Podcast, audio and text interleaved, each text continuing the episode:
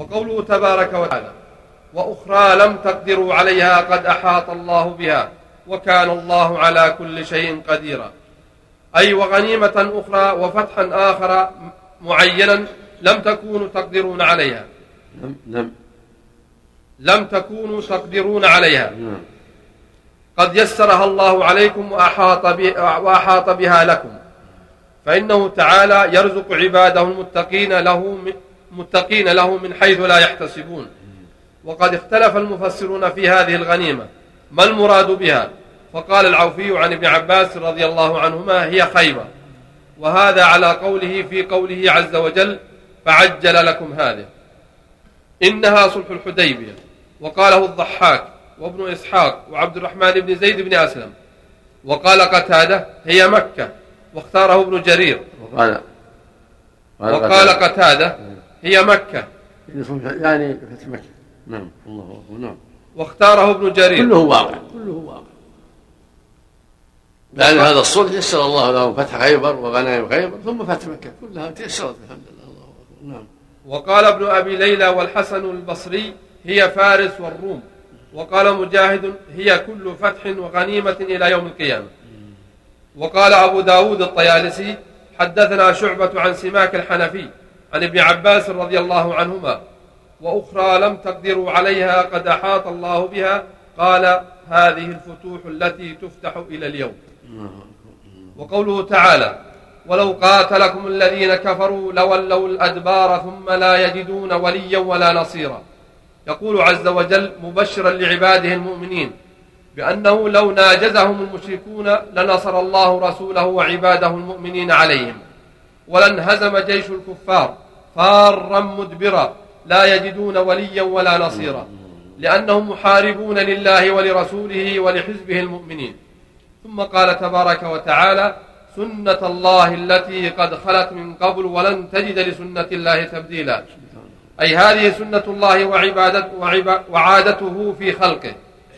ما تقابل الكفر والإيمان في موطن في موطن فيصل إلا نصر الله الإيمان على الكفر فرفع الحق ووضع الباطل كما فعل تعالى يوم بدر بأوليائه المؤمنين نصرهم على أعدائه من المشركين مع قلة عدد المسلمين وعددهم وكثرة المشركين وعددهم.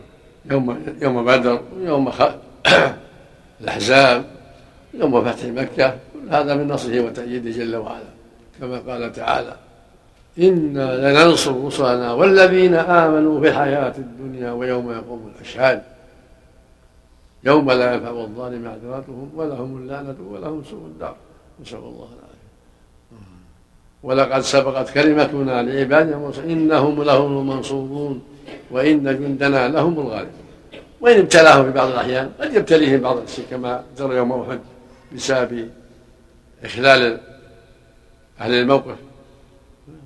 قد يبتليهم بالضراء ولكن العاقبة للمتقين.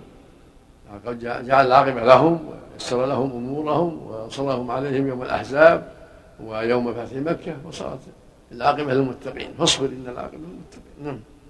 وقوله سبحانه وتعالى وهو الذي كف أيديهم عنكم وأيديكم عنهم ببطن مكة من بعد أن أظفركم عليهم وكان الله بما تعملون بصيرا.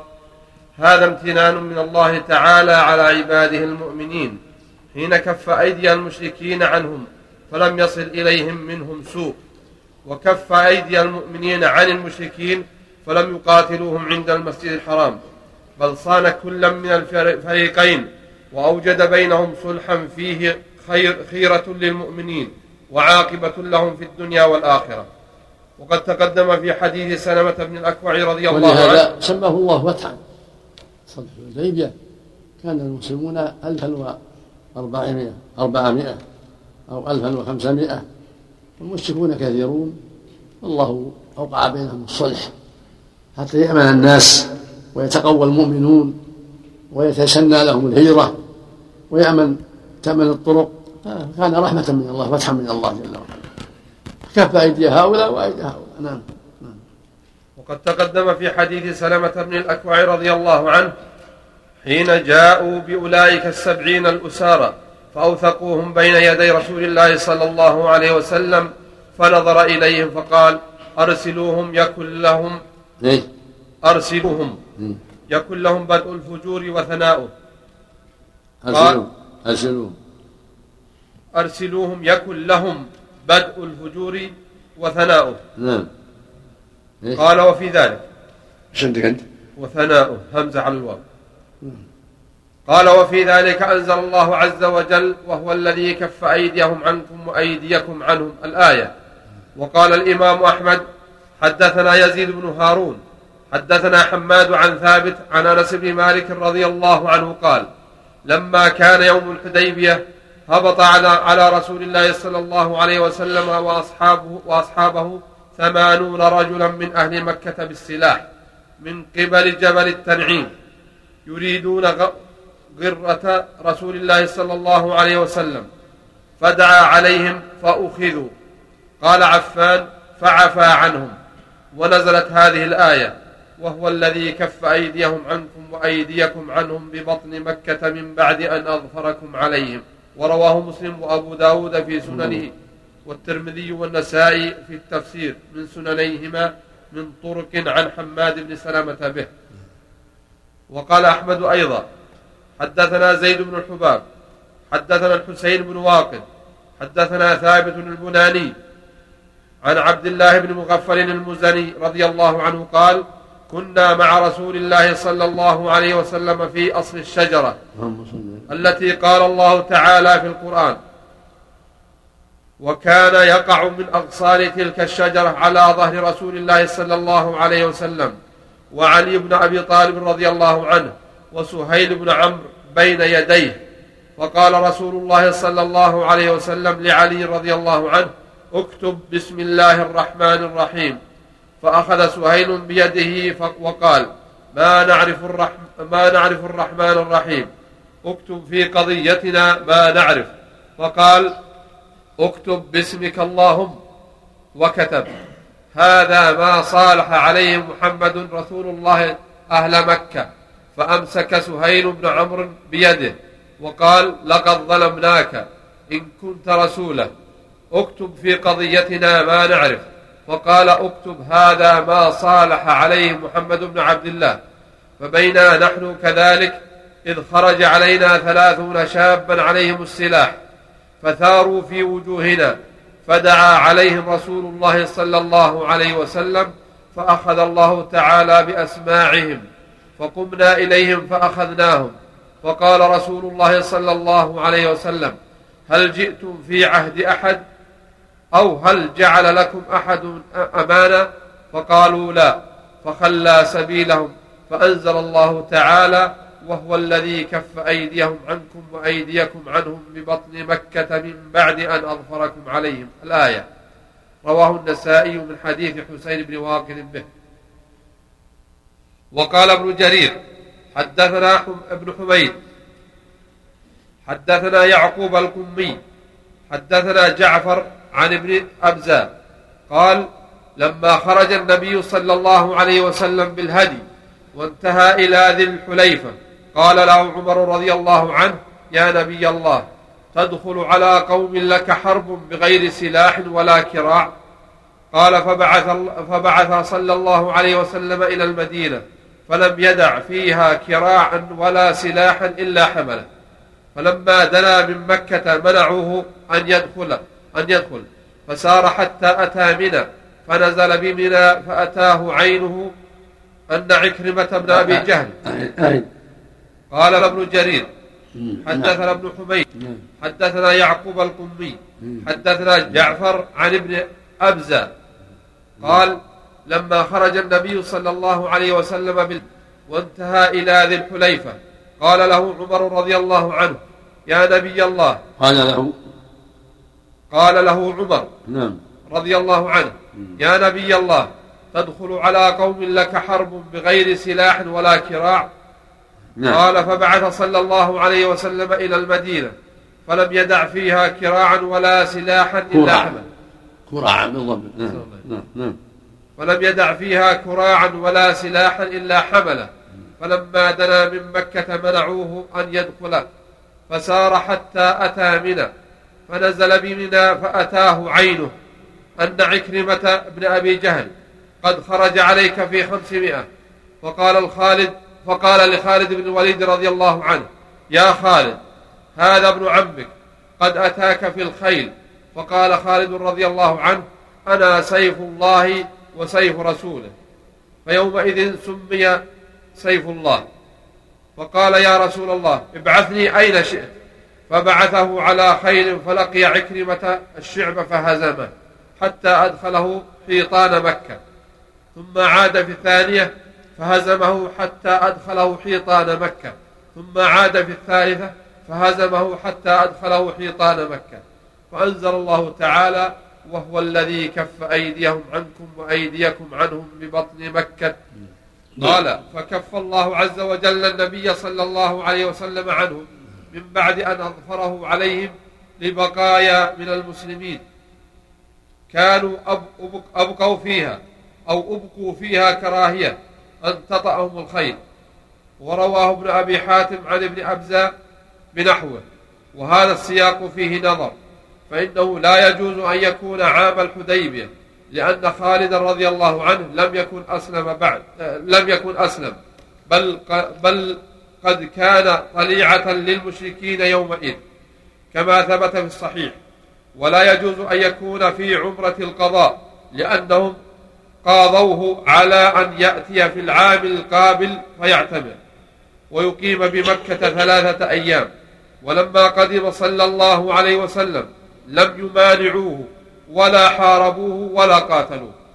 فإن قيل المقصود أن هذا الخبر ضعيف ابن حميد ضعيف.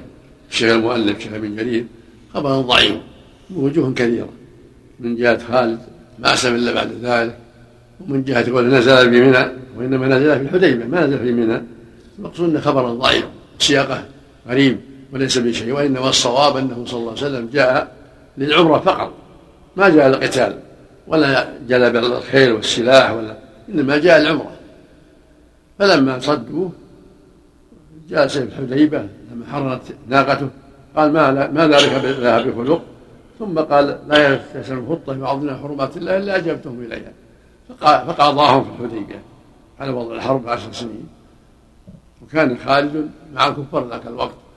وكان النزول في في الحديبية لا في ميناء.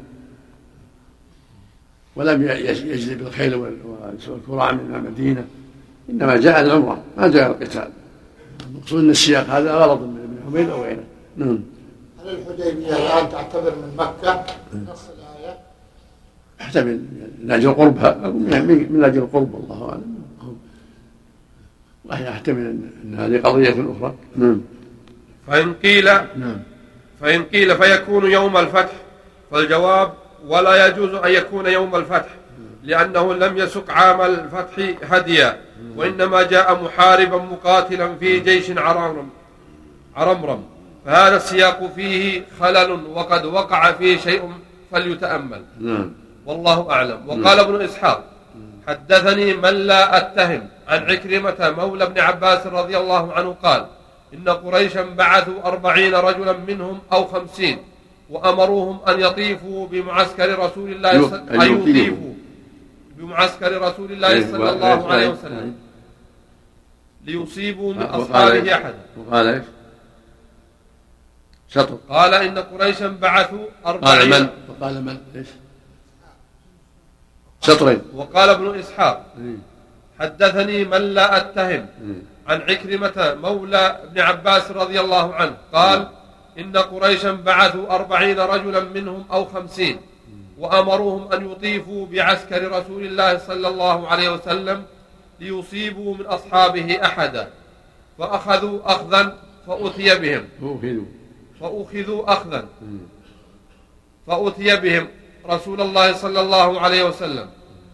فعفى عنهم وخل وخلى سبيلهم. وقد كانوا رموا إلى عسكر رسول الله صلى الله عليه وسلم بالحجارة والنبل. قال ابن إسحاق وفي ذلك أنزل الله تعالى وهو الذي كف أيديهم عنكم وأيديكم عنهم الآية. وقال قتادة ذكر لنا أن رجلا يقال له ابن زنيم اطلع على الثنية من الحديبية. فرماه المشركون بسهمهم فرماه المشركون بسهم فقتلوه. فبعث رسول الله صلى الله عليه وسلم خيلا فأتوه باثني عشر من الكفار. فقال لهم هل لكم علي عهد؟ هل لكم علي ذمة؟ قالوا لا. فأرسلهم وأنزل الله تعالى في ذلك وهو الذي كف أيديهم عنكم وأيديكم عنهم الآية.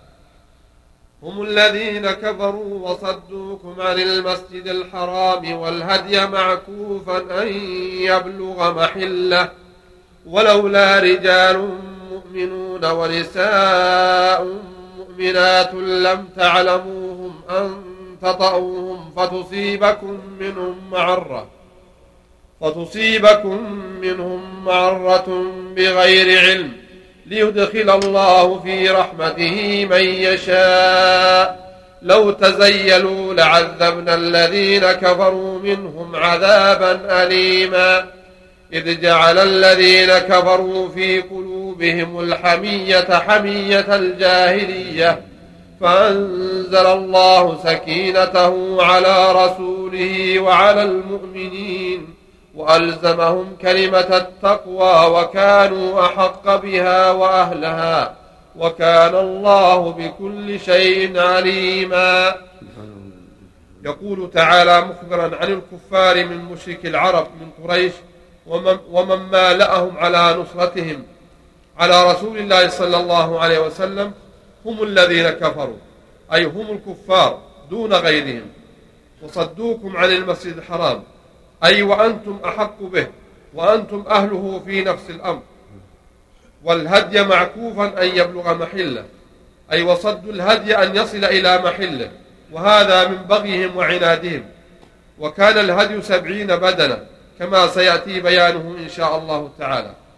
وقوله عز وجل ولولا رجال مؤمنون ونساء مؤمنات أي بين أظهرهم ممن يكتم إيمانه ويخفيه منهم خيفة على أنفسهم من قومهم.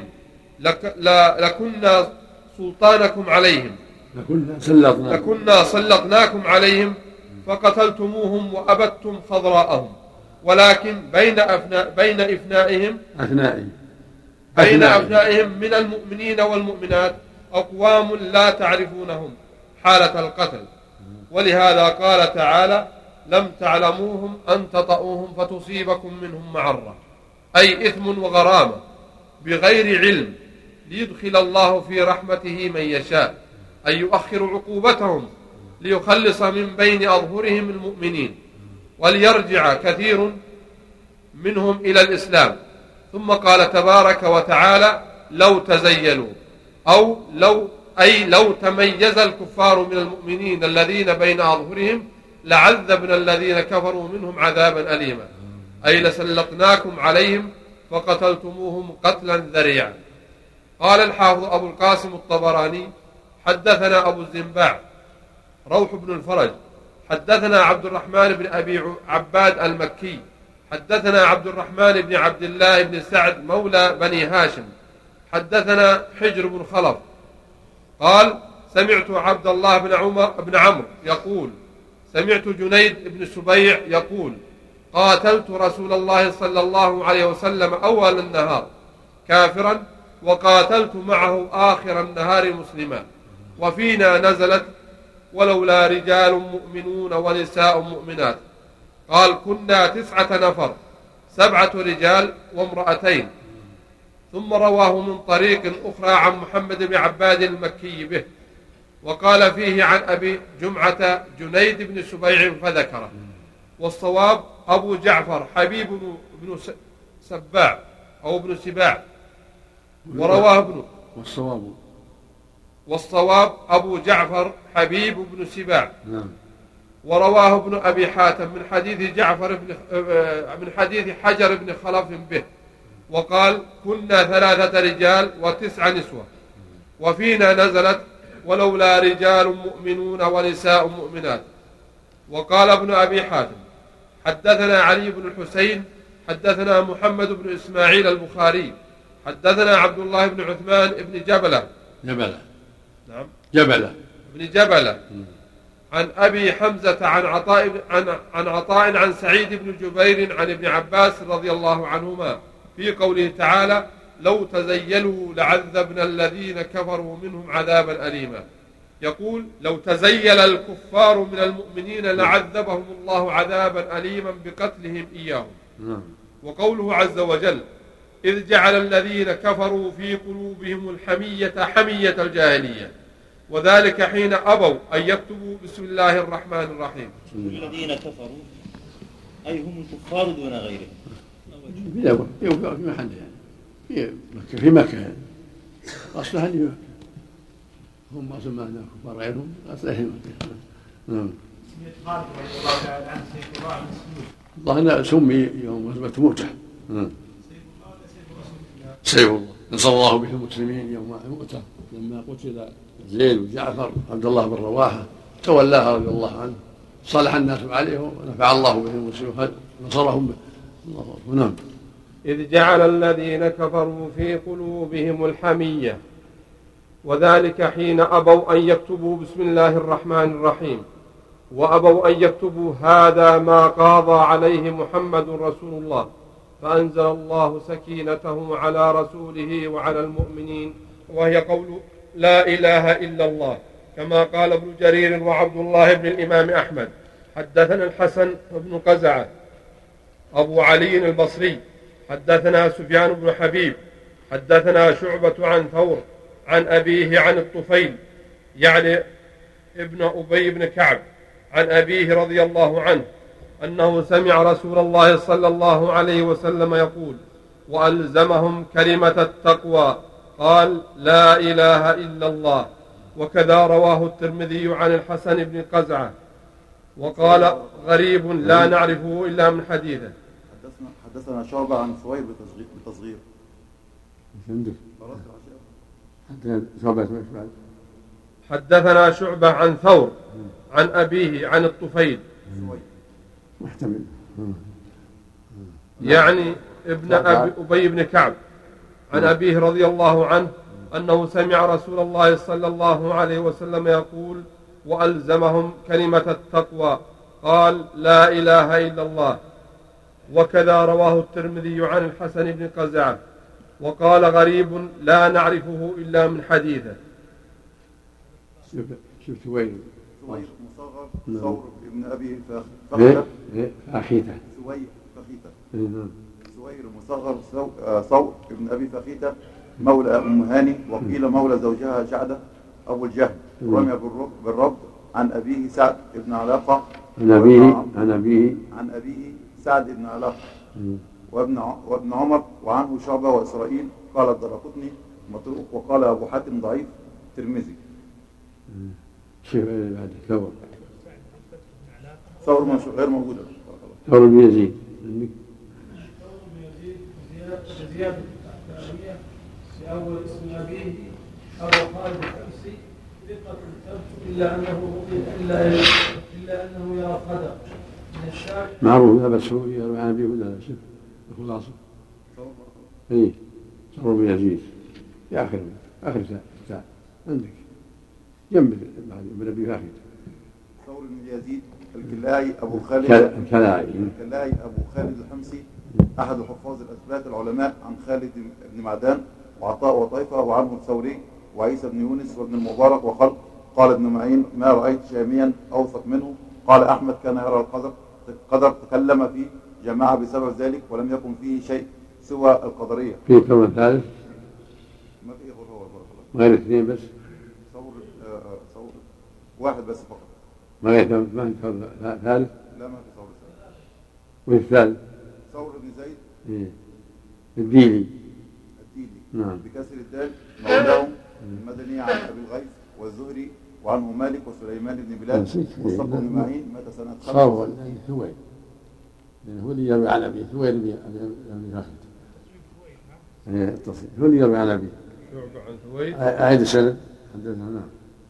حدثنا شعبة عن ثور عن أبيه. عن ثو- ثويل.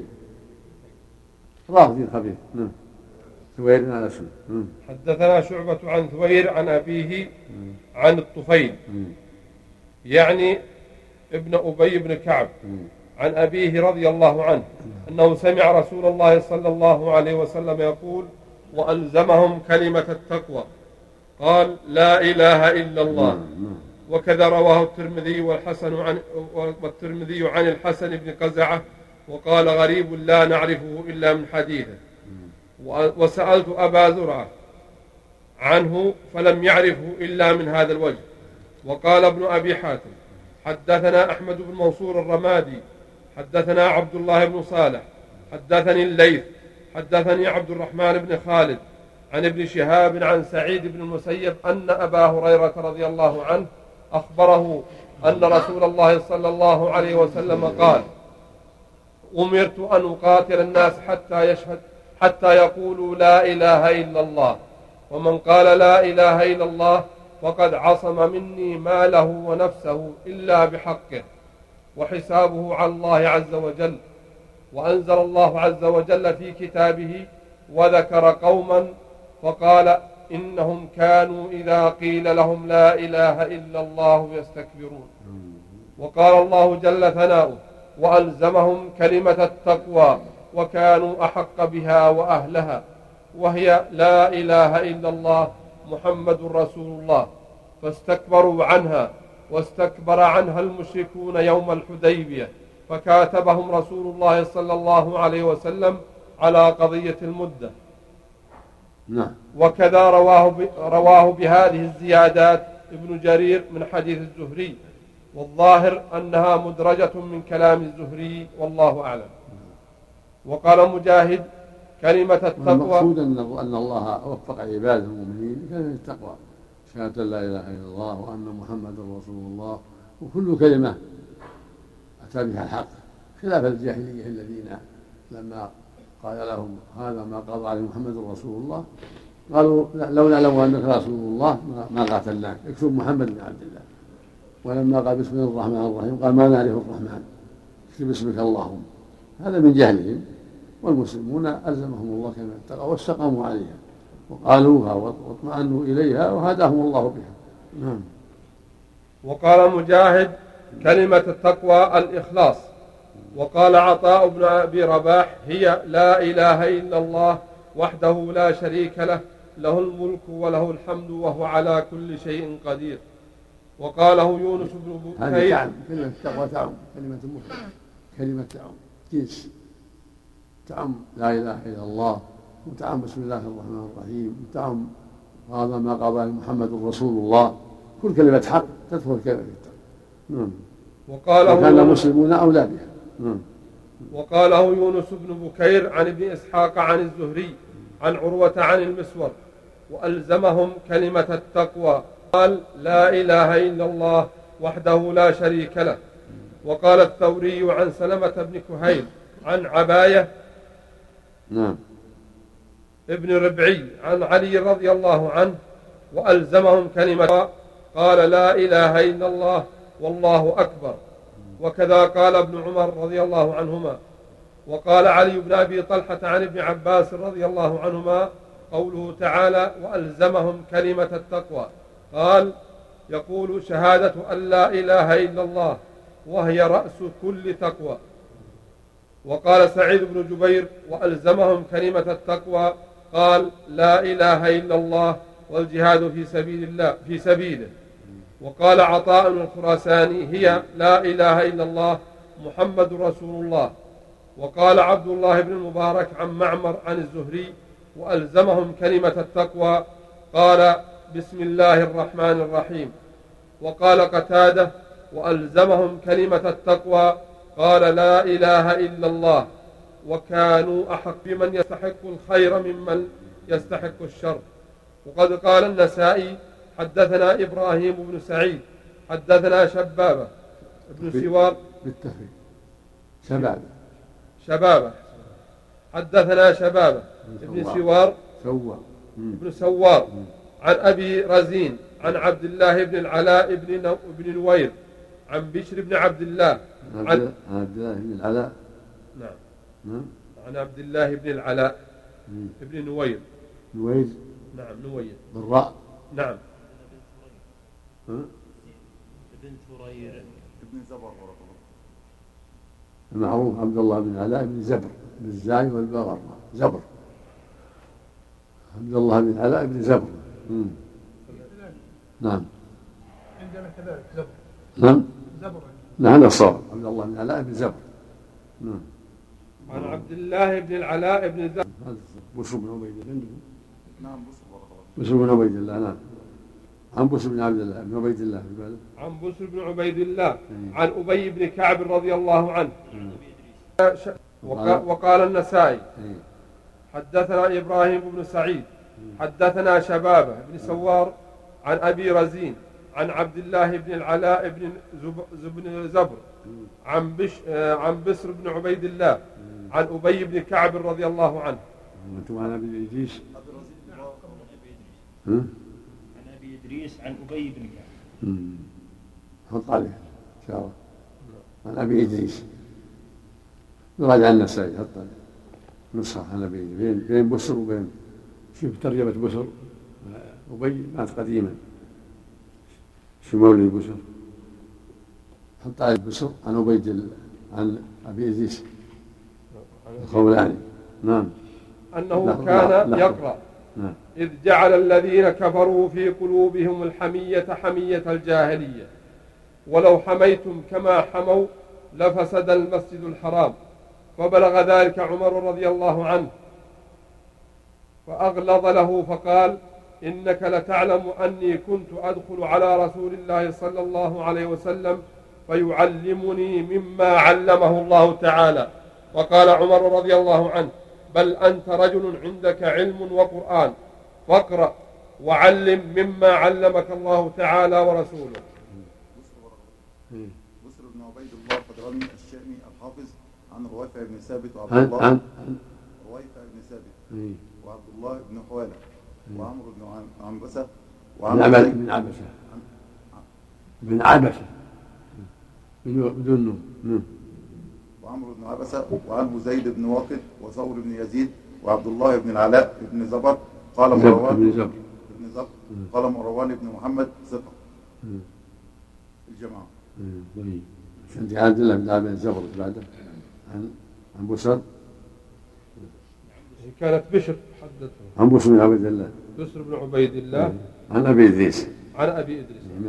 عن أبي إدريس نعم. عن أبي بن كعب. ماشي وهذا ذكر الأحاديث الواردة في قصة الحديبية وقصة الصلح. قال الإمام أحمد حدثنا يزيد بن هارون.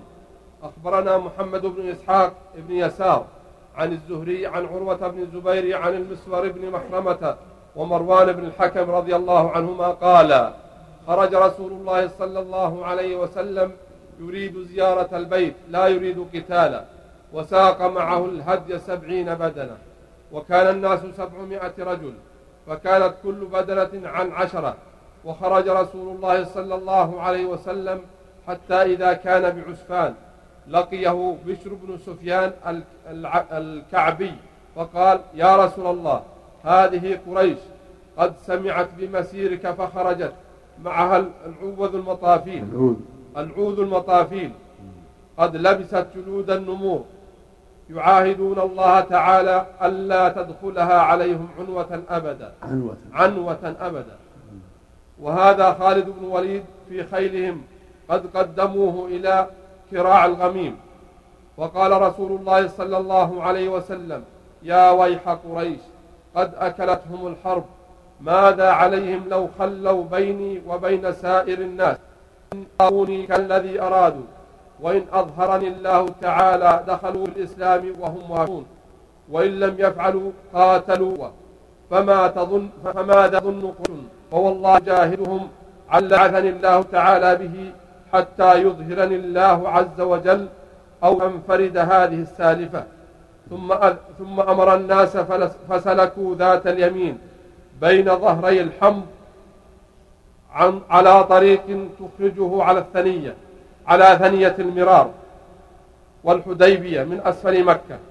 قال فسلك بالجيش تلك الطريق فلما رأت خيل قريش قترة, قترة الجيش قد خالفوا عن طريقهم ركضوا راجعين إلى قريش. فخرج رسول الله صلى الله عليه وسلم حتى سلكنا قد صلى الله عليه وسلم ما خلأت وما ذلك بخنسك والله لا تدعوني قريش اليوم إلى خط إلى خطة يسألوني فيها. صلة الرحم إلا أعطيتهم إياها. ثم قال صلى الله عليه وسلم للناس انزلوا. قالوا يا رسول الله ما بالوادي من ماء ينزل, ينزل عليه الناس. فأخرج رسول الله صلى الله عليه وسلم سهما من كنانته فأعطاه رجلا من أصحابه. فنزل في قليب من تلك القلوب. فغرزه فيه فجاش بالماء حتى ضرب الناس عنه بعطن. فلما اطمأن رسول الله صلى الله عليه وسلم إذا بديل ابن ورقاء في رجال من خزاعة وقال لهم كقوله لبشر بن سفيان فرجعوا إلى قريش فقالوا يا معشر قريش إنكم تعجلون على محمد صلى الله عليه وسلم إن محمدا لم يأت لقتال إنما جاء زائرا لهذا البيت معظما لحقه فاتهموهم. قال محمد بن إسحاق قال الزهري وكانت خزاعة عيبة نصح رسول الله صلى الله عليه وسلم. وكانت. وكانت خزاعة عيبة نعم. نصح رسول الله صلى الله تعالى عليه وعلى آله وسلم مشركها ومسلمها. لا يخفون على رسول الله صلى الله تعالى عليه وسلم شيئا كان بمكة. وقالوا وإن كان إنما جاء لذلك فوالله لا يدخلها أبدا علينا عنه. ولا يتحدث بذلك العرب. ثم بعثوا إليه مكرز بن حفص أحد بني عامر بن لؤي. فلما رآه رسول الله صلى الله عليه وسلم قال هذا رجل غادر. فلما انتهى إلى رسول الله صلى الله تعالى عليه وسلم وعلى آله وسلم كلمه رسول الله صلى الله تعالى عليه وعلى آله وسلم بنحو مما تكلم به مع أصحابه. ثم رجع إلى قريش فأخبرهم بما قال له رسول الله صلى الله عليه وسلم فبعثوا إليه الحليس بن علقمة الكناني وهو يومئذ سيد الأحابيش. فلما رآه رسول الله صلى الله عليه وسلم قال هذا من قوم يتألهون فابعثوا الهدي. فلما رأى الهدي يسيل عليه من عرض الوادي في قلائده قد أكل أوباره من طول الحبس عن محله. رجع ولم يصل إلى رسول الله صلى الله عليه وسلم إعظاما لما رأى فقال يا معشر قريش لقد رأيتم ما لا يحل صد الهدى الهدي. في قلائده لا لا لقد رأيت. قد رأيت ما لا يحل. صد الهدي. صده ما لا يحل صده.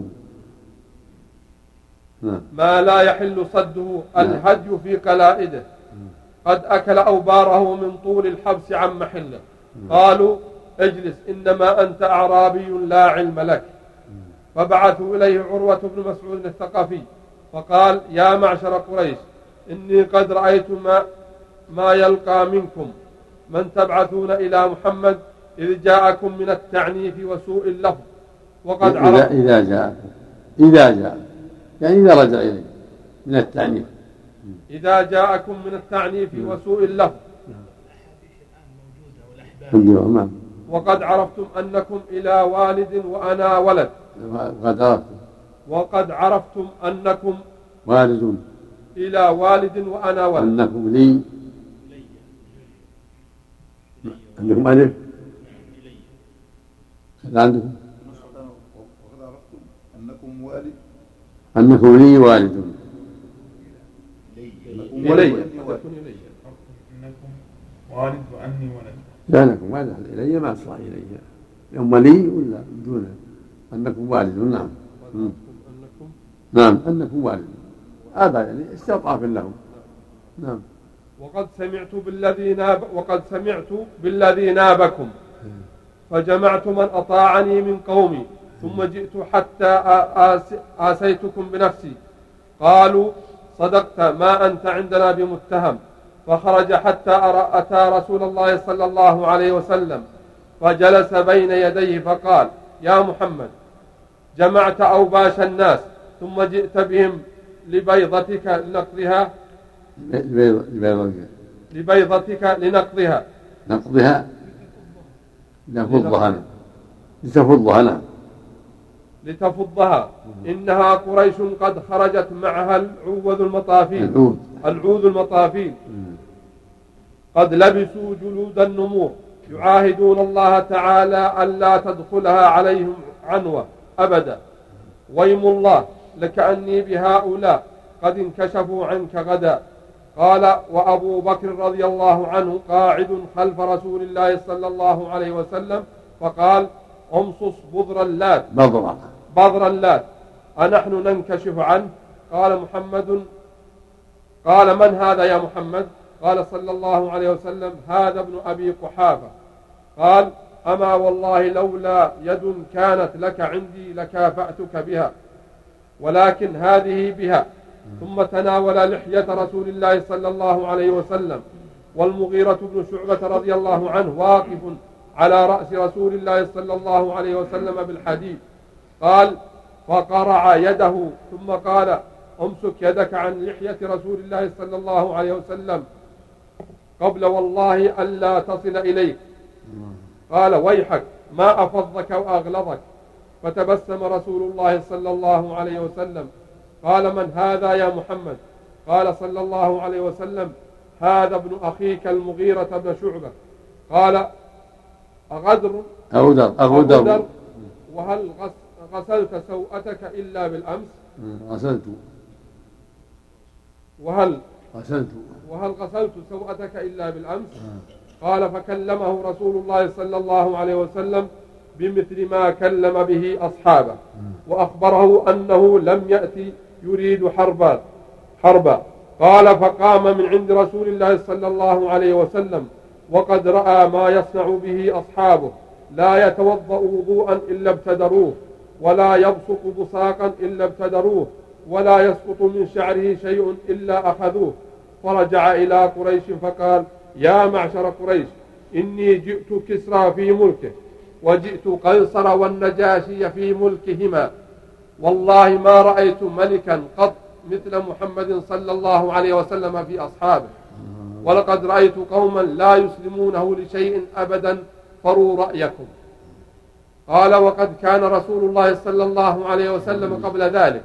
بعث خراش بن أمية الخزاعي إلى مكة. وحمله على جبل. وفي هذه القصة جواز اتخاذ الحرس. جعل المغيرة على رأسه حارسا عليه الصلاة والسلام وفيه منع من أساء الأدب ولهذا قرعه المغيرة بالسيف بنصر السيف ليكف يده على لحية رسول الله. ففي هذا عن مثل هذا لا بأس به ولا حرج فيه أن يقف الحارس على رأس السلطان أو الأمير لحماية من الأعداء حارسا ولا ينافي التوكل. التوكل مع الأخذ مع الأخذ بالأسباب. نعم. وحمله على جمل على جمل له يقال له الثعلب. فلما دخل مكة عقرت به قريش وأرادوا قتل خراش فمنعتهم الأحابيش حتى أتى رسول الله صلى الله عليه وسلم. فدعا, فدعا عمر رضي الله عنه ليبعثه إلى مكة فقال يا رسول الله إني أخاف قريشا على نفسي وليس بها من بني عدي أحد يمنعني. وقد عرفت قريش عداوتي إياها وغلظتي عليها.